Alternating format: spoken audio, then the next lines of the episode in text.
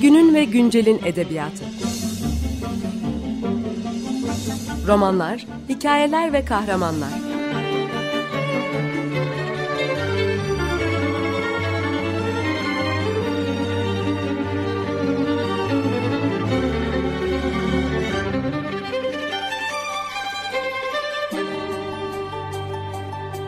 Hazırlayan ve sunan Seval Şahin.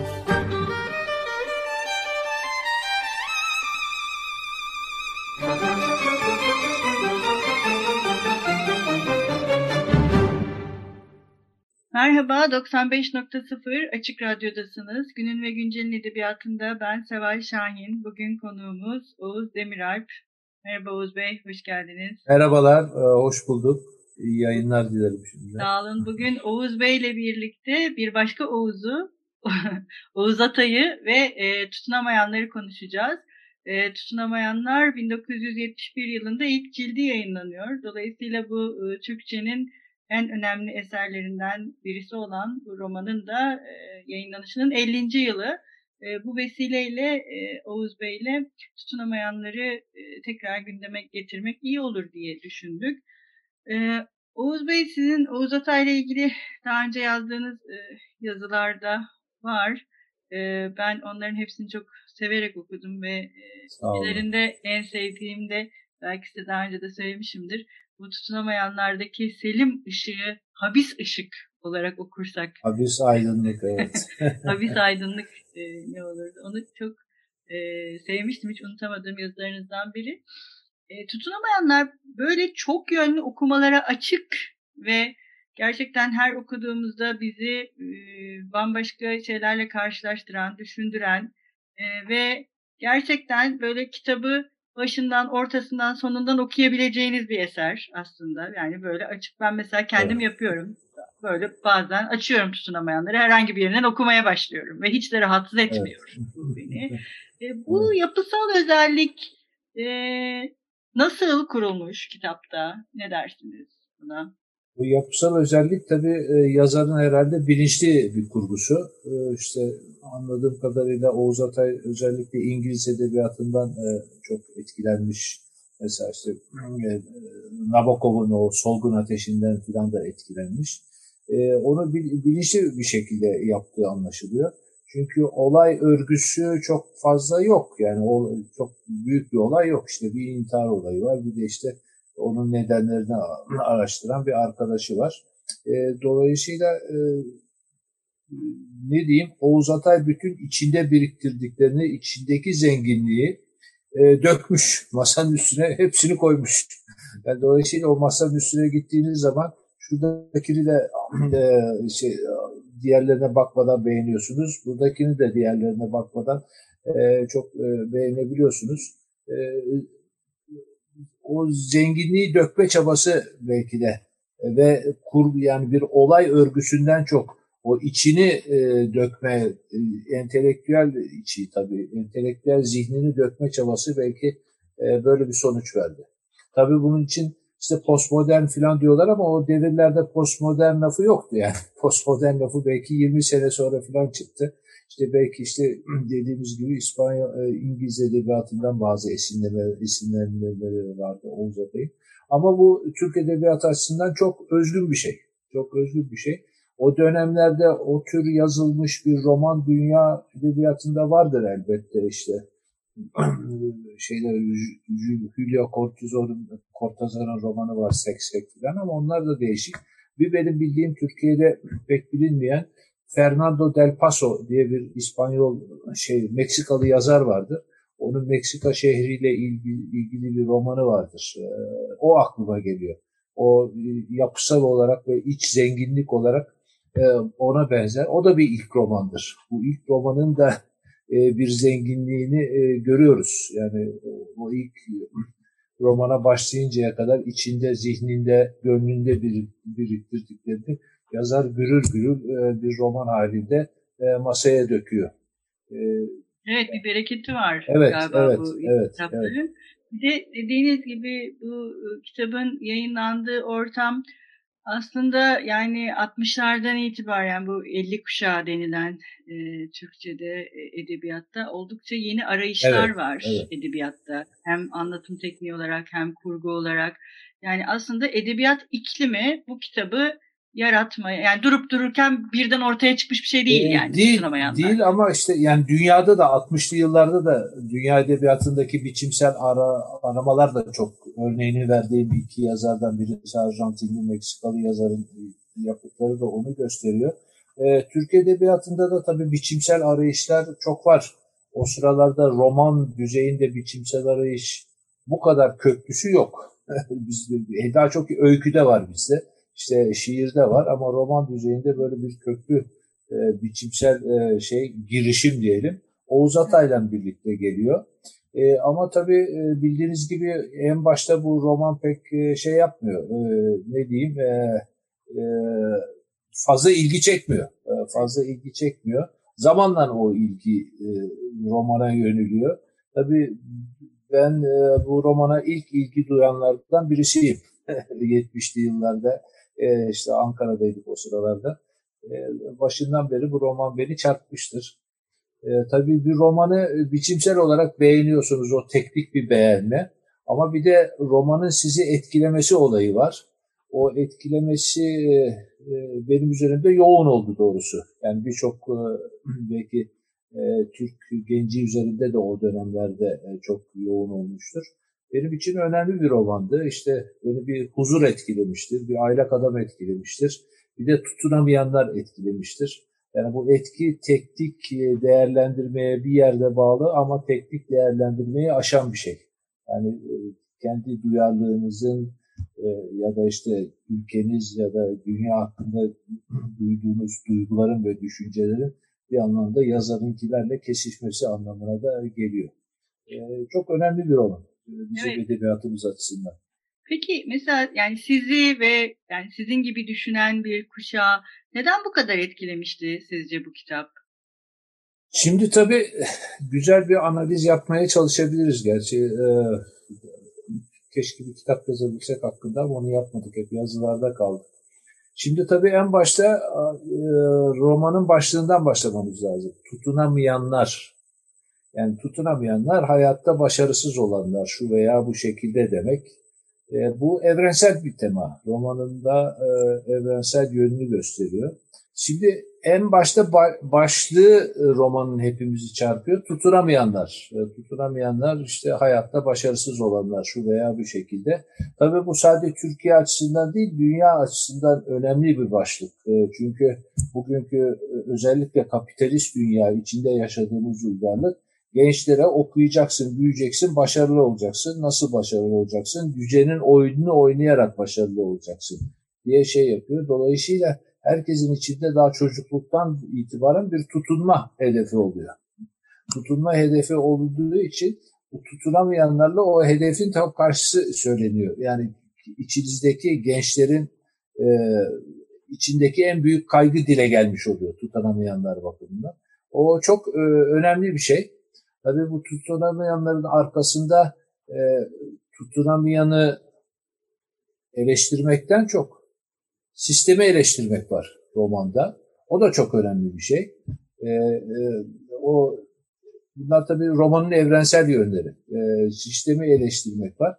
E tabii e, özellikle 20 yaşlarındayken bir taraftan o tutunamamak kaygısı, bir taraftan zaten o e, şey düzendeki tuhaflıkları hissetmeye başlamışsınız. O düzendeki bozuklukların dile gelişi tabii sizi e, çok e, etkiliyor. Ve işte çok kolaylıkla kendinizi bir Selim Işık'ın ya da Turgut Özben'in başka bir şekilde yerine koyabiliyorsunuz. Yani o yaşlı gençler için özellikle Türkiye'deki gençler için belki daha şey yaparsak ama bence Avrupa'daki batıdaki gençler için de Selim Işık'la kendini özdeşleme e, şeyi e, olanağı e, yaratan bir kitap. O da romanın aslında bir başarısı. Evet, bence de hala e, bütün kuşaklar evet, bu kitaptan evet, etkilenmeye evet, devam ediyorlar. Evet. Yani onu gözlemliyoruz. Bu kitabın e, çok büyük bir başarısı.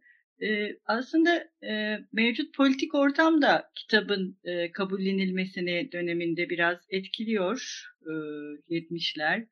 Fakat biz bugünden baktığımızda aslında elimizdeki metnin son derece politik bir metinde elbette, olduğunu. Elbette. E, yani, Haklısınız. Acaba o zaman neden böyle düşünülmedi? Ee, Yani şey, zamanla mı? Şimdi tabii politik metin tabii o politik burada e, belki politiki artık daha ince ve daha geniş yorumluyoruz. O dönemlerde onu yapmıyorduk belki. Politik deyince daha çok gündelik politikayı anlıyorduk. Belki onu yapmadık. Ama tabii bireyin kendini e, iktidara göre ya da karşı konumlayışı açısından e, son derece e, politik bir metin. Yani burada açıkça işte e, bir ne diyelim cumhuriyet düzeninin aksiyan tarafları çok açık bir şekilde şey yapılıyor, eleştiriliyor. Yani böyle eleştiri yapan bir de saatleri ayarlama enstitüsü vardır. O daha değişik bir şekilde. Ama burada da görüyoruz işte resmi Türk'üm diyor mesela Selim Işık. O resmi Türk nedir? O, onu eleştiriyor. Yani o bakımdan önemli bir kitap. 70'li e, yıllarda tabii bunları okurken belki politik yönünü bugünkü kadar e, şey yapamıyorduk, e, kavrayamıyorduk. O resmi Türk olmamızdan gelen bir şeydi belki. Ama siyasi yönünü tabii 70'li yıllarda bazı şeylerini atladık, 80'li yıllarda belki daha iyi anladık filan. Ama bugün bakınca e, o politik e, şeyden daha değişik bir değerlendirme de gerekiyor. Çünkü evet. e, şöyle bir değerlendirme yapabiliriz belki. Şimdi o, Oğuz Atay'ın anlattığı tip ya da tipler genellikle küçük burjuva aydınlar. Yani Türkiye'de de zaten aydınların, dünyada da belki hep o sınıftan çıkar. Orta sınıftan çıkar, işte biraz e, şeyden çıkar. E, küçük burjuva aydınlık olarak tabii düzene duyduğu tepkiyi yani adını koyalım Cumhuriyete duyduğu tepkiyi dile getiriyor. Kendi çevresine, küçük burjuva sınıfına duyduğu tepkiyi getiriyor. Romanına dikkatli bakarsak oradaki küçük burjuva sınıfı ya da tabakası diyeceğimiz kesim bugün işte laik orta sınıf dediğimiz kesim. İşte e, askerleriyle, memurlarıyla, işte e, iş adamlarıyla falan filan işte biraz da burjuvası var laik denen kesime duyduğu tepkiyi. Bunların hepsi yani o dönemlerde ben de duyuyordum yani. Hepsini e, o dönemlerde çok benimsediğimiz bir şey. Ama bugün bir bakınca, bugün Türkiye'de bambaşka bir ortam var. Şimdi iktidarda olan kesim başka. O bu e, şeyde romanda e, eleştirilen kesim e, ta, ekonomik açıdan tamamen olmasa bile siyasi ve e, kültürel açıdan muhalefette olan bir kesim. Ee, yani dolayısıyla e, değişik bir ortama geldik. Yani e, onu Oğuz Atay'a yazdığım mektupta da belirtmiştim. Yani o dönemler eleştirdiğimiz e, cumhuriyet, laik, e, küçük burjuvazisi bugün bakıyoruz cumhuriyeti yaşatmak için dayandığımız e, toplumsal tabaka haline geldi. Yani o da e, tabii orta, şey Oğuz Atay'a bugünden bakınca e, hatırlama yapmamız gereken bir değerlendirmedir bence. Bence Oğuz Atay bugün yazsaydı e, bu romanı herhalde bambaşka bir şekilde yazardı. Eleştiri okları herhalde kendi yakın işte bizlerin de ait olduğu e, laik orta sınıfla e, düze, şey sınırlı e, sınırlı kalmazdı. E, tabii okumalar biliyorsunuz okurdan okura değil e, sadece çağdan çağa da değişiyor. E, ama zengin bir yatı, yapıt olduğu için e, bugün ben e, buna tutunamayanlara bakınca bütün bunlar aklıma geliyor. E, Türkiye'nin işte 70'li yıllardan itibaren bir siyasi değerlendirmesini de aynı zamanda yapmak ihtiyacını kitaba dayanarak hissediyorum. bir de e, düşünün ki 70'li e, yıllar e, görece Türkiye'deki özellikle sanat açısından ifade özgürlüğünün daha üst düzeyde olduğu bir yıllardı. 12 Mart'a daha gelmemiştik. Lüks anayasa diye o 27 Mayıs anayasası henüz e, bozulmamıştı. Yani o dönemde yapılan e, ne diyelim yakınmalar ve şikayetler bunlar. E, aslında tabii çok e, kabaca söylersek e, bugünkü durum e, Oğuz Atay'ın anlattığı e, durumdan e, daha iyi değil. Evet, evet. Bir ara verelim isterseniz. Tabii. Çalalım bugün. Tabii, tabii. Bugün bir Schubert'in e, Quintet beşli için C majör çok sevdiğim bir parçadır. Onu çalarsak e, bir de işte e, tematiği itibariyle e, ses itibariyle Oğuz Atay'ın dünyasına en azından Selim Aşık'ın dünyasına uygundur diye düşündüm. Merhaba tekrar 95.0 Açık Radyo'dasınız. Günün ve Güncel'in edebiyatında bugün Oğuz Demiralp ile birlikte e, yayınlanışının 50. yılında tutunamayanları konuşuyoruz. Programımızın ilk kısmında e, tutunamayanların yayınlandığı dönemi, e, bireyin iktidara getirdiği eleştirileri o dönemin e, Cumhuriyet ve Cumhuriyete e, getirdiği eleştirileri konuştuk. E, bir de bu e, kitabın tabii meşhur e, efsane kahramanlar artık bunlar da Marvel kahramanları gibi oldular Türkiye'de. Selim Işık ve Turgut Özben. E, siz hangisini daha çok seversiniz? Ben böyle bir öznel bir Vallahi, soru sorayım. e, şimdi tabii e, biz e, işte ne diyelim küçük burjuva aydınları olarak ikisini ikisini birden yaşıyoruz galiba. İkisini birden yaşıyoruz. Ee, yani Selim Işık tabii e, biraz bana Tanpınar gibi böyle biraz e, e, biraz e, hayat karşısında zayıf görünen bir tipi var. O tarafı yani sanki canlı bir kişiymiş gibi düşünüyoruz. O tarafını Selim Işık yüküm pek sevmem. Yani ben biraz daha şey mücadeleci olduğum için ama tabii çok e, derin e, bir yakınlık duyduğum romantik bir kahraman. Turgut Özben de e, tabii Selim Işık'ın tam en başta karşıtı. O tutunmaya çalışıyor ve tutunuyor, başarılı oluyor. Selim Işık tutunmayı reddediyor, bilerek başarısız oluyor. Turgut Özben de işte bildiğimiz hikaye başarılı oluyor. Fakat Selim Işık intihar edince yavaş yavaş işte ne diyelim aklı başına geliyor ya da özbeninde dönüyor. Orada bir şeyler söylemeye çalışıyor. Ee, ikisi de önemli. Tabii bir de orada Olirik diye bir kahraman var. o da müthiş bir şey. O da tabii yani Hamlet'ten gelen bir şey ama yani Oğuz Atay'ın bunu çok güzel kullandığını da söylemek lazım. Ee, Olirik e, benim çok hoşuma giden bir kahramandır Türk Edebiyatı'nda. E, müthiş bir şey. Yani çünkü bizde böyle bir şey e, iç ses ya da alter ego geleneği fazla yoktur. O bakımdan çok önemli buluyorum. Tabii Turgut Özben'in verdiği bir mesaj belki e, ikisini e, aynı yere getiriyor. Diyor ki onu buna not almışım. E, bir Turgut Özben kime diyordu unuttum. Ha Rasim Bey'e. Küçük burjuva yaşantınızdan çıkın.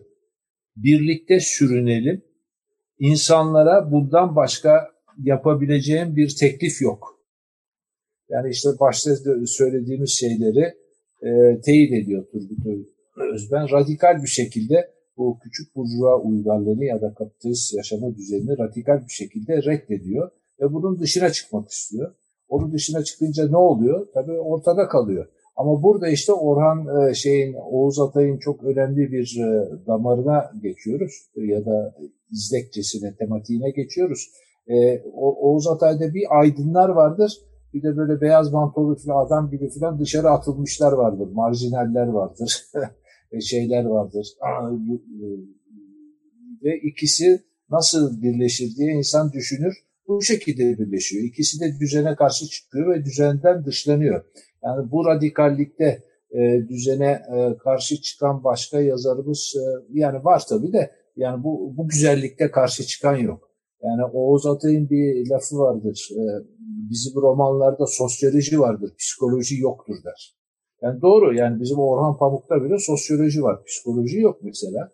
Bu psikolojiyi e, Oğuz Atay müthiş yani ustalığı yani teknik ustalığı ayrı bir mesela müthiş koymuş. Tutunamayanlara özellikle bir psikolojik derinlik müthiş koymuş. Yani o bütün iş dünyasına giriyorsunuz özellikle Selim Işık'la Turgut Özben'in iş dünyalarına müthiş bir şekilde giriş var. E, o bakımdan e, sarsıcı bir kitap. Yani o iş dünyalarına o kadar girebilmiş olması da e, kitabı e, sarsıcı kılan başka bir nitelik. Evet, bir de bir müthiş bir mizah var yani E, evet, onu Oğuz Atay'ın kız kardeşi bir e, top, belki o toplantıda siz de vardınız. Oğuz Atay'ın anma toplantısında sonra konuşuyorduk bu kız kardeşi. Oğuz dedi bu özel hayatında da çok şakacıydı. Yani dolayısıyla bu müthiş bir ironi var, e, mizah var. Oyun, oyun daha sonra tehlikeli oyunlar şeklinde gelişecek bir oyun oynama isteği var. Ama orada da tabii e, Selim Işık diyor galiba değil mi? Yani bu dünyada ben başka ne yapayım diyor. Yani oyun oynamaktan başka bir şey yok diyor. Yani o da e, güzel bir e, şey. E, gene e, bizde az rastlanan bir batıda var tabii örnekleri. E, karşı çıkış şekli. Karşı çıkış şekli.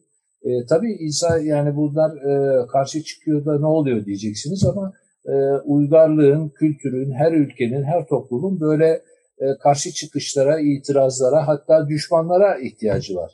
Yani o bakımdan e, Oğuz Atay gibi bir yazarın e, bizim işte aydınlar olarak kusurlarımızı bize göstermesi, cumhuriyete kusurlarını göstermesi çok büyük bir iş. Yani edebiyattan toplumsal bir işlev bekliyorsak Oğuz Atay bunu çok başarılı bir şekilde yapıyor. O bakımdan tekrar tekrar okunması gereken bir yazar tabii.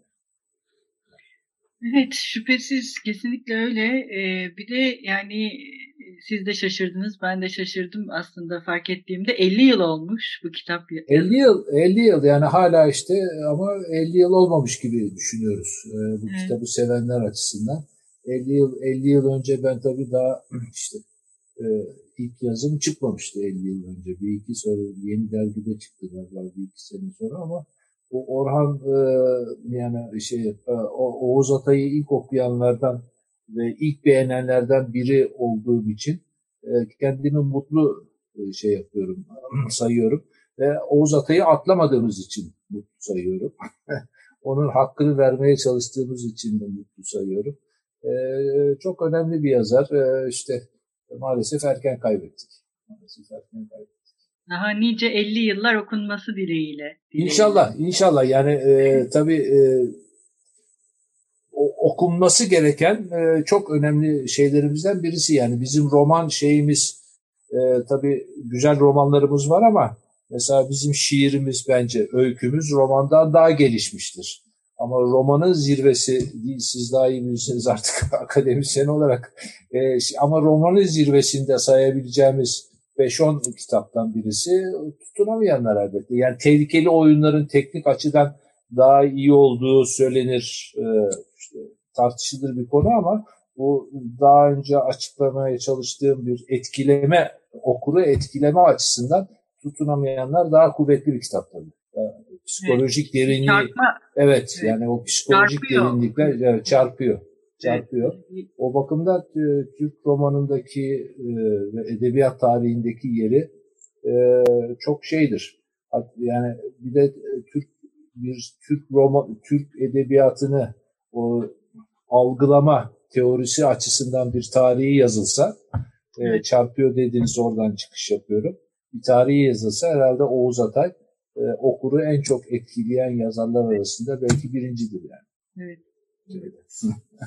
Oğuz Bey çok teşekkür ederiz. Ee, bu ben teşekkür ederim. Ee, yani sevgili adaşımı e, anmak fırsatını verdiğiniz için e, herkese Oğuz Atay'ı sade tutunamayanları değil diğer yazdıklarını, öykülerini de çok seviyorum.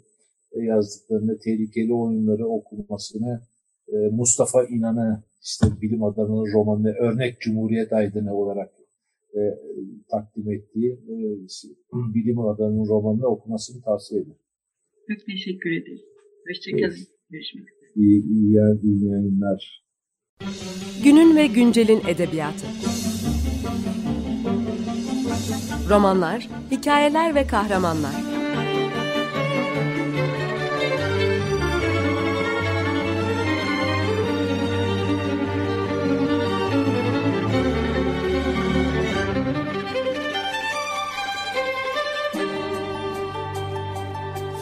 Hazırlayan ve sunan Seval Şahin